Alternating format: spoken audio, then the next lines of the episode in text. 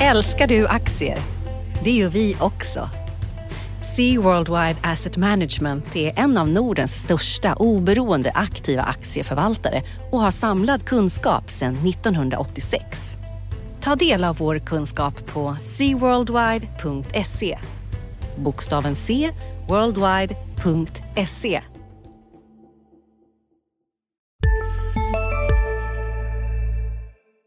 Analyspodden presenteras idag av Blackrock. Blackrock är en kapitalförvaltare med målet att hjälpa fler och fler att uppnå finansiellt välmående. Blackrocks kunder är alltifrån företag, banker och tradingplattformar till privatpersoner runt om i världen. Blackrock har ett brett utbud av produkter. Alltifrån traditionella fonder och iShares ETFer till alternativa investeringar. Gå in på blackrock.com för att läsa mer. Analyspodden från Dagens Industri. Hej och välkommen till Analyspodden, Dagens Industris veckoliga försök att sammanfatta det viktigaste som har hänt på finansmarknaderna. Och vi som ska försöka göra det idag är jag, Viktor Munkhammar och Rickard Bråse. Hej Rickard! Hej! Alltid trevligt att få podda ihop med dig. Ja, detsamma, detsamma. Vi får se var vi landar idag. Det kan, eh, kan spåra ur, höll jag på att säga. Eh, eh, man kan alltid vi, hoppas. Ja, man, precis. Jag hoppas att lyssnarna uh, håller med om det. Eh, vi, vi ska, om vi ska ha någon slags struktur ändå så börjar vi väl med att dra igenom lite kort de viktigaste sakerna från börs och makro i veckan. och sen flippar vi ur i den andra, andra halvan.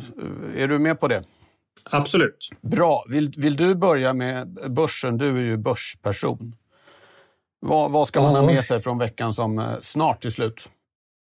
Ja, man, man, kan ju börja med att konstatera att för min del i alla fall att man känner sig lite som en sån astronaut som har tappat fästet och svävar fritt upp i rymden och det hjälper inte hur mycket man vävar med armar och ben. Nu skulle man... vi haft ljud här med liksom Bowie kommit in här. Förlåt. Ja ja. Jo, man, man, man, är på väg dit man är på väg vare sig man vill det eller inte när börsen är uppe och, och testar nya rekordnivåer. Ehm, och jag tror generellt att det är nog en ganska vågad eh, sak att ge sig på och köpa aktier om man är långsiktig investerare. Så är jag ganska säker på att det kommer öppna sig betydligt bättre köplägen under året som kommer, men det kan man ju såklart bara gissa om. Titta, bryter man ner och tittar lite vad som har hänt här i veckan så har en följetong som vi har skrivit en del om under längre tid är ju vad som ska hända med fastighetsbolaget Castellum där Rutger Arnhult har köpt upp sig och blivit största ägare. Och nu vet vi också att han tog över som styrelseordförande och det fick ju till följd att vdn på Castellum, Henrik Saxborn, eh, då väljer att eh, sluta. Vet du förresten vad Henrik Saxborns företrädare hette? Det är ett ganska bra Göteborgsnamn. Glenn Glensson? Håkan Hellström hette han. Ah, eh, det, och det var på den gamla goda Hellström. tiden. Då satt, de, då satt de ganska nära där, där Dagens Industri har sitt Göteborgskontor och hade konferensrum som hette bra saker som Marstrand till exempel. Det, så det, det var uppskattat. Ah, ah, ja. eh, men nu är i alla fall eh, Saxborn ute i bilden. Det här har ju varit ett det, eller det är ett fastighetsbolag som många uppskattar för att det är en sån här stabil utdelningshöjare. Och, men tittar man på totalavkastning över längre tid så är den ganska det, det är lite av en eh, fastighetssektorns lilla index. Eh, och, och, vad ska man kalla det? För den går som, den går som index ungefär. Så att det, det är liksom inga storslagna grejer man, man får om man köper Castellum utan man får sin indelning och utdelning och, och sådär. Men, och det beror ju sin tur på att de har att de har, de har alltid haft en ganska försiktig belåning eh, och istället försökt att göra saker på fast, alltså projektutveckling, bygga saker till exempel men hållit nere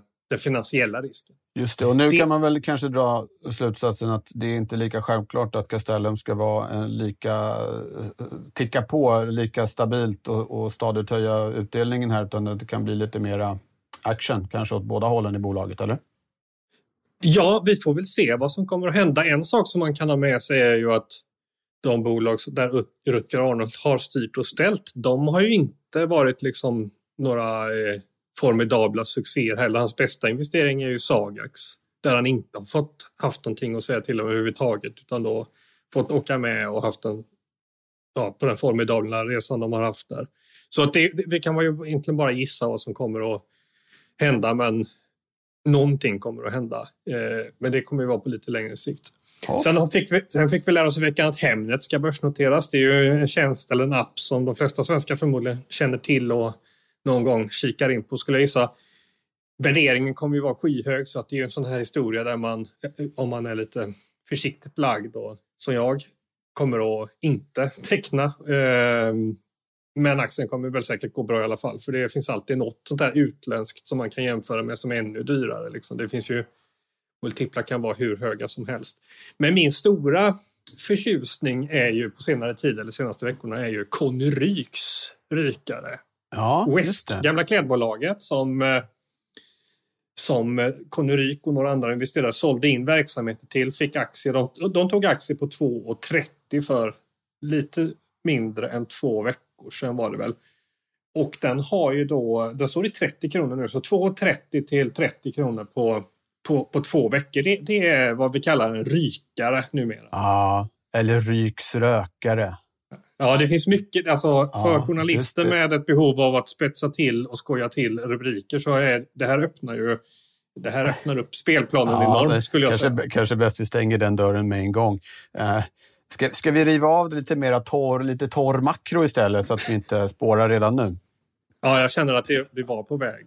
Ja, ja. ja. ja men då, då från min eh, sida bordet då, och även landet faktiskt, eh, eh, du sitter ju på västkusten och jag på östkusten, så eh, kan man ju ta med sig att vi fick ett knippe genomgående rätt bra februaridata här. SCB, e bland annat BNP-indikatorn, hushållens konsumtion, industris orderingång och, och lite sånt. Eh, eh, behöver inte dra alla siffror i detalj, men, men fortsatt eh, återhämtning, även om det är ju ganska tydligt att eh, innan det blir någon, någon riktig, riktig fart så behöver vi bli av med restriktioner och smitta, det vill säga vi behöver vaccinera eh, en större andel av befolkningen. Det är ju fortfarande såklart så att eh, branscher som hotell och restaurang och liknande, de, de, de, har det tufft medan industrin eh, tuffar på trots eh, komponentbrist och eh, transportproblem. Eh, sen eh, som kopplar lite till det du inledde med börsen där, vi fick lite lugnande eh, besked, eller beroende på hur man ser det, men för en, en fulltankad aktieinvesterare, lugnande besked från, från Jerome Powell, chefen för den amerikanska centralbanken och även James Bullard som sitter med där om att det, det är inga åtstramningar i sikte än så länge. Det är för tidigt att ens börja prata om det, sa, sa uh, Bullard. Eh, där kan man också notera faktiskt att den här uppgången i amerikanska tioårsräntan har ebbat ut lite grann. Jag kikade på en graf där och senaste månaden ungefär har det legat och slagit mellan 1,60 och 1,70 eh, efter att ha varit i princip eh, bara på väg uppåt eh, ett, ett, ett bra tag. Så att möjligen börjar Eh, den där ränteoron eh, lägga sig lite. Investerarna lyssnar på att, eh, vad, Fed, vad Fed signalerar. Sen något som kan bli intressant på lite längre sikt som har varit på gång ett tag men där vi fick lite utspel här i veckan är ju Janet Yellen, den före detta chefen för Federal Reserve och nu amerikansk finansminister. Det här förslaget om en slags global minimiskatt på bolagsvinster. Eh, det ju, har ju ett, som så ofta ett inrikespolitiskt syfte. Eh, den nya amerikanska regeringen vill ju höja den amerikanska bolagsskatten och då för att minska eh, skadeverkningarna för amerikansk konkurrenskraft så vill de ha liksom ett globalt golv där och det tror jag de flesta finansministrar i världen är, är ganska pigga på. Så det, det är, en rörelse att, att hålla koll på. Eh, och sen kan vi väl notera något som kom här på morgonen att statens betalningar eh, ännu en gång var, visade en överraskande stark utveckling i mars. Här. Det var plus 9, väntat var minus 22. Det är lite tekniska saker som ligger bakom det där, bankstrul som gjorde att eh, en, del, en del betalningar rasade in den här månaden istället för den förra. Men även, så, ä, även skatterna var, var eh, större än, än, än, väntat igen. Det har varit så i princip varenda månad. Ehm, det var ett eh, snabbt eh, hoprafsat eh, makrosvep. Det har varit en lite lugnare vecka än, än en del andra denna. Nu Rickard, kan du köra på igen. nu kan jag köra på igen, men vet du vad jag tycker att vi ska göra som så att du får köra på igen. För jag, jag brukar, nu kommer du kanske bli lite upprörd där, men jag brukar ju tänka att ni på makrosidan, är lite så här oförargliga saker. Om, det är lite hit och dit med inflationen och Ja, det stämmer ju. Om man jämför med, med det jag gör, där, där det i princip inte... Jag, jag klarar inte av att skriva en artikel utan att få arga mejl. Eh, och har jag inte fått minst ett upprört mejl så brukar jag tänka att jag nog egentligen inte har tillfört någonting. Så, ja, ja. Men som jag förstått det har du börjat få mejl nu. Stämmer det? ja, jo det stämmer. Eh, jag gav mig på att skriva om fastighetsskatten här eh, innan påsk eh, precis och det rasslade till ordentligt i min eh, inbox kan man säga. Eh, det var till och med så att min fru fick ett långt sms av en Olof som jag tror är från Göteborg. Han avslutade i alla fall med Göttmos och det tyder väl på Göteborg tror jag. Eh, eh, eh, som, som skrev att jag vet inte hur han riktigt hade kom, liksom, landat i den slutsatsen, men att jag gömde mitt telefonnummer. Eh, annars står ju våra nummer och mejladresser under artiklarna alltid, så jag vet inte. Men han hade i alla fall varit så engagerad att han letade upp min frus mobilnummer och smsade henne eh, om eh, hur dum i huvudet jag var som eh, tyckte att man skulle återinföra en, en fastighetsskatt. Eh, och så har det sett ut lite i min eh, mejlkorg också. Inte bara så, ska jag säga. Det har faktiskt varit en del som tyckte att det är bra att diskussionen tas upp. Eh, så det har varit livat. Vill du veta varför jag tycker att man ska återinföra fastighetsskatten också, eller? du, ja, du kan väl, ja, ja, du kan väl säga kan väl det? Säga det. Nej, men så här, jag tänker, eh, om man tar det väldigt grundläggande, så om man liksom utgår från tre delar i, i, i svaret. Det första är då att jag ju propagerar den här texten för den så kallade Kalifornienmodellen eh, som eh, i korthet går ut på att skatten man betalar baseras på vad man köpte sin fastighet för en gång i tiden. Och sen så eh, justeras det upp med någon typ av eh, inflation, men i fallet Kalifornien max 2% per år. Det innebär då att man inte blir beroende av eh, att det kommer in eh, ri, nyrika riskkapitalister och, och köper kåkarna eh, runt omkring om ens egen hus inte kostar så mycket från början. Eh, eh, nummer två är någon typ av begränsning i, eh, av hur stor del av sin inkomst som man kan tvingas betala i fastighetsskatt bör ju finnas. Det fanns ju redan förut. Man skulle kunna tänka sig en lite lägre nivå än tidigare. Claes Eklund exempelvis som gjorde en stor utredning om hela skattesystemet tror jag landade i att det skulle vara 3-4 procent eller något sånt där. Eh, och det tredje då, den kanske lite eh, elakare delen i det här att om det är så att man har en väldigt låg pension så kan man ju anta att man har haft en väldigt låg inkomst. Om man trots det sitter på ett hus som eh, har ett väldigt högt taxeringsvärde eh, så får man nog gissa att det här huset har stigit ganska mycket i pris eftersom man trots sin låga lön en gång lyckades köpa det och att det nu har blivit värt väldigt mycket. Eh, så att även om det då är en orealiserad vinst så är, sitter man nog på en ganska rejäl eh, förmögenhet eh, i det här huset. Så att det är inte alla gånger som det är så himla synd om tant Agda. Och visst, för att få loss pengarna måste man sälja huset, men det går ju faktiskt att belåna huset, ta ut en del av den förmodligen ganska stora reavinst som man latent sitter på i, i... Har du också valt att bli egen? Då är det viktigt att skaffa en bra företagsförsäkring. Hos oss är alla småföretag stora och inga frågor för små. Swedeas företagsförsäkring är anpassad för mindre företag och täcker även sånt som din hemförsäkring inte täcker. Gå in på swedea.se företag och jämför själv. Just nu pågår vår stora season sale med fantastiska priser på möbler och inredning. Passa på att fynda till hemmets alla rum, inne som ute, senast den 6 maj. Gör dig redo för sommar. Välkommen till Mio. förskott. Och det är klart, det här sticker i ögonen. Ska man behöva liksom låna pengar för att betala skatt? Och det är väl mycket det som har varit problemet med med fastighetsskatten. Men ja, eh, det är klart att det finns den typen av, av, av problem med en fastighetsskatt. Men jag menar att, att fördelarna eh, överväger. Men, men om, man, om man skulle kappa det på en 3-4 procent och köra den här Kalifornienmodellen, alltså då borde ju ändå inte eh, alltså problemet bli så, eh, så, så stort som man, som man Problemet man borde inte bli stort och i gengäld då skatteintäkterna för staten inte heller eh, lika stora. Eller kommunen, det kommer jag aldrig in på i det här. Det vi har nu, på pappret i alla fall, är en kommunal fastighetsavgift. Man skulle kunna koppla det tydligare som en rent kommunal fastighetsskatt, vilket då skulle bli ett tydligare incitament för kommunerna att underlätta eh, byggande. Det skulle bli som ett litet kommuner som sköter sig bra gentemot medborgarna, eh, får liksom mer eh, intäkter. Det blir en kanske lite tydligare koppling mellan eh, hur kommunen levererar till vad den får för eh, fastighets eller in, skatteintäkter. Eh, det var inget jag gick in på, men det finns andra saker som eh, faktiskt skulle kunna vara ganska bra också med en återinförd men lite annorlunda konstruerad eh, fastighetsskatt. Men huvudpoängen är just att det är skadligare att beskatta arbete än att beskatta fastigheter. Därför tycker jag man bör skifta över. Man kan också titta på hur det ser ut i andra länder. Sverige har ju väldigt, väldigt hög eh, eh, marginalskatt, även efter borttagandet av, av värnskatten. Jag tror bara det är Belgien som ligger högre bland de länder vi brukar jämföra oss med. Men väldigt låg beskattning på egendom av, av uh, olika slag. Uh, så att det här, en så, sånt här skifte skulle göra att vi ser ut lite mer som andra jämförbara länder faktiskt. Mm. Men det viktiga blir ju någonstans att att inte skicka in folk i Pomperipossaland utan att det finns tak som, som liksom Ja, det måste det vara. Så man inte liksom ska betala halva sin inkomst i fastighetsskatt. Det, det blir ju eh, ja, det, det, blir svårt.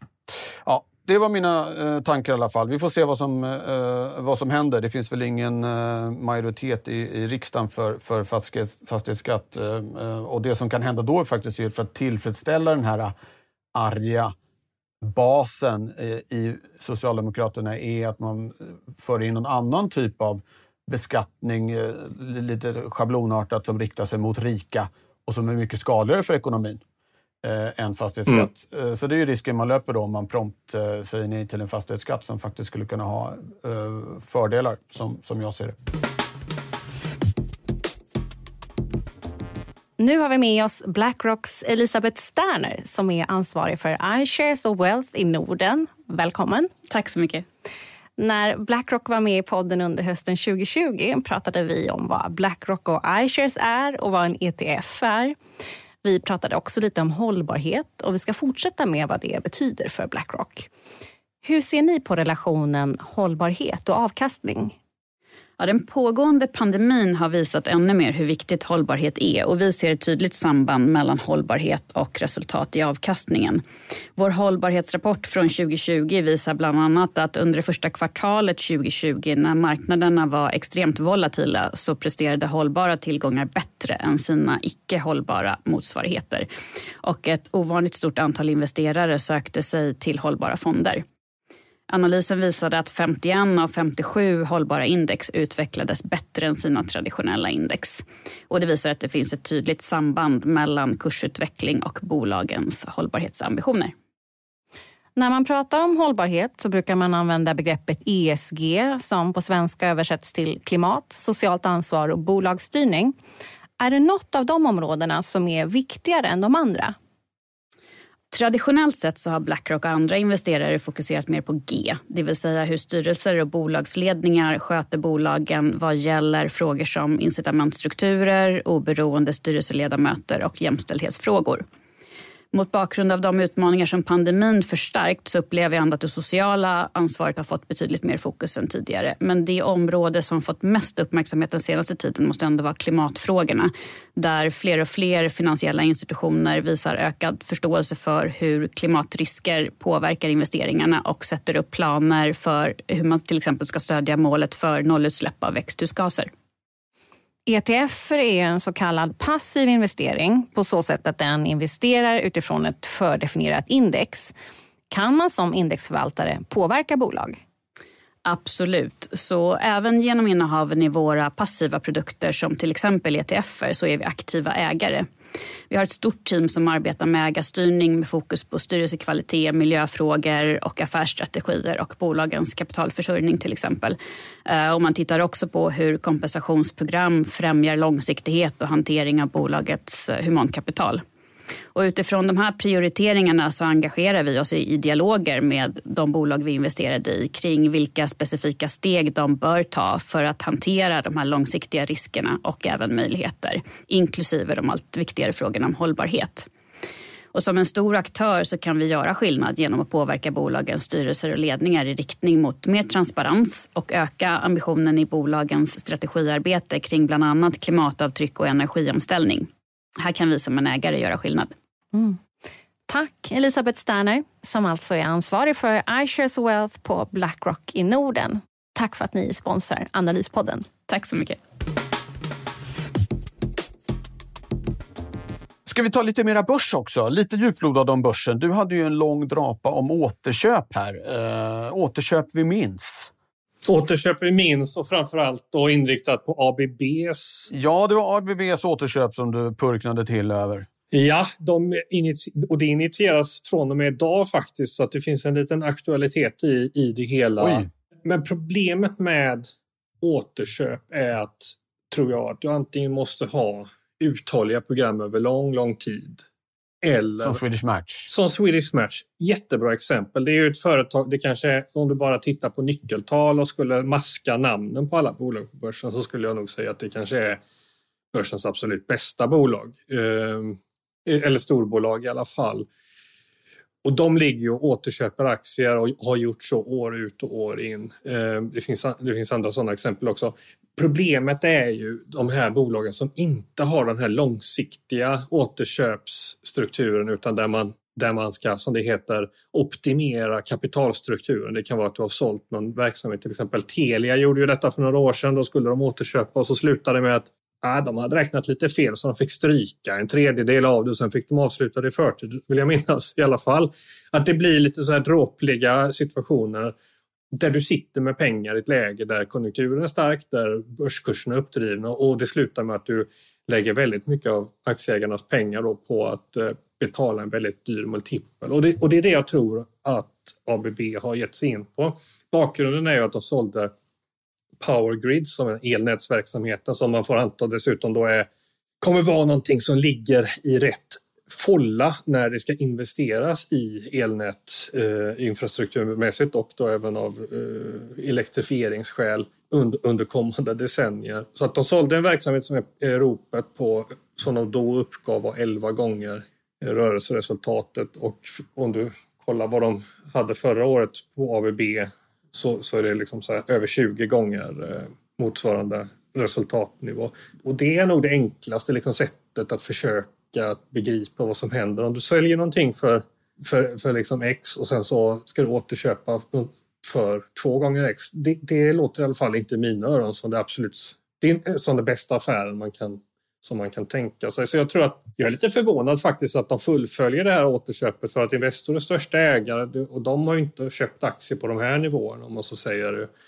Utan det ser väldigt mycket ut som, som att man erbjuder Cevian, alltså Christer Gardells bolag eh, en möjlighet att kunna sälja ut sig. För att det är ju, vem gynnar det att köp, återköpa aktier till en väldigt hög värdering? Ja, det är ju storägare som har tänkt att sälja, sälja helt enkelt. För att det blir en överföring från, från långsiktiga ägare till kortsiktiga. Sen, går det, sen är det ju alltid svårt att liksom leda i bevis att, att, det, att det här skulle vara katastrofal timing eller så. Det får ju tiden lite utvisa. Men värderingen på ABB är, är långt över historiska nivåer. Och så, där. så att jag misstänker i alla fall att det här inte är, är det bästa som man skulle kunna hitta på med pengarna. Eh, och jag tror inte heller att det var det bästa man kunde göra med Powergrids och sälja det utan det hade nog varit bättre att man delade ut det till aktieägarna. Eh, men det är ju för sent att ändra på det nu naturligtvis. Ja, den eh, omeletten är svår att göra ägg av igen. Ja,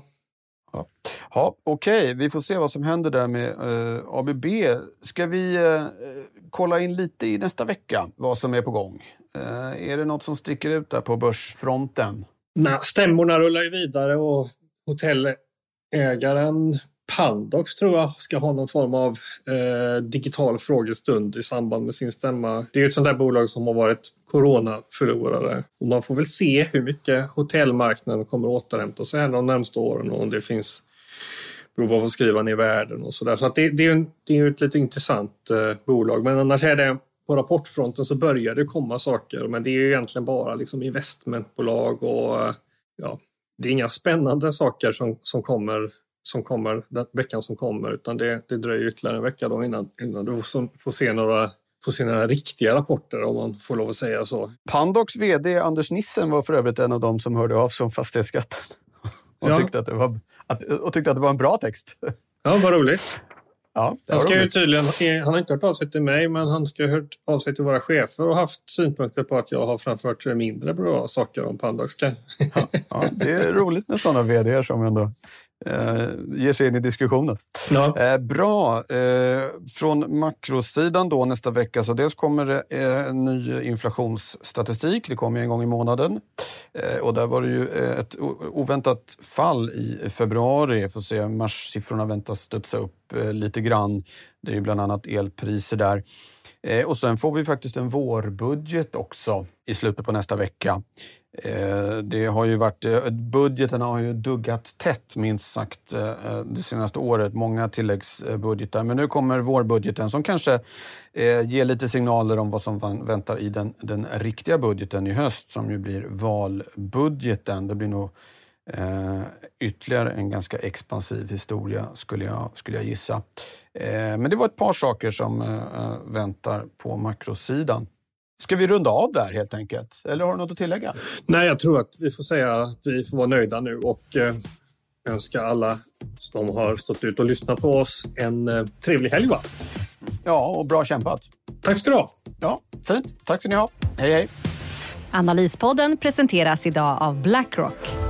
Blackrock är en kapitalförvaltare med målet att hjälpa fler och fler att uppnå finansiellt välmående. Blackrocks kunder är alltifrån företag, banker och tradingplattformar till privatpersoner runt om i världen. Blackrock har ett brett utbud av produkter. Alltifrån traditionella fonder och iShares ETFer till alternativa investeringar. Gå in på blackrock.com för att läsa mer. Analyspodden från Dagens Industri. Programmet redigerades av Umami Produktion. Ansvarig utgivare Peter Fellman.